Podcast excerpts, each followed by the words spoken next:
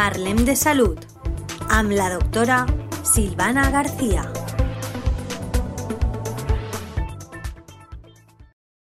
Hola oyentes de la Tegua Radio. Dado que la escarlatina es una enfermedad infecto-contagiosa bastante frecuente en nuestro día a día, hoy en Cuidarte es Quererte hablaremos de ella. ¿Y qué es la escarlatina? La escarlatina es una enfermedad producida por una bacteria llamada Streptococcus pyogenes del serogrupo A, causante de las famosas anginas o placas, amigdalitis bacterianas, pero que además en esta ocasión el germen libera unas toxinas que producen unas manchas muy típicas en la piel. Es relativamente fácil de diagnosticar, tiene un tratamiento sencillo y hoy en día no suele producir complicaciones serias. ¿Qué síntomas tiene? Fiebre moderada de inicio súbito. A las 12 o 48 horas de empezar la fiebre aparece un exantema, manchitas rojas en la piel, inicialmente en cara y cuello, respetando el triángulo de la nariz y la boca que siempre están más blanquecinos.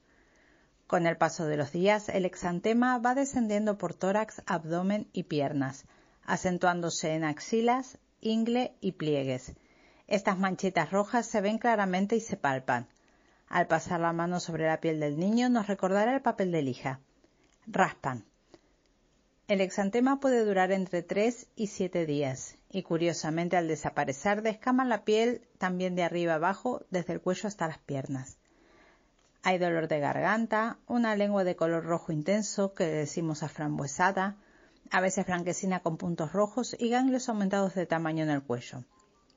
Las amígdalas y la parte posterior de la garganta pueden estar cubiertas por una capa blanquecina o estar rojas, inflamadas y cubiertas por puntos blanquecinos o amarillentos de pus.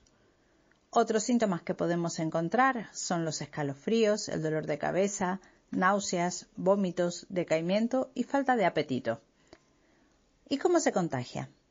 a través de gotitas de saliva que emitimos al hablar, por lo que los niños pequeños entre 3 y 8 años que se tienen tanto amor son más propensos. Su médico hará el diagnóstico con un buen examen clínico. Sin embargo, a veces se toman cultivos de la garganta para comprobar que efectivamente esté el estreptococo.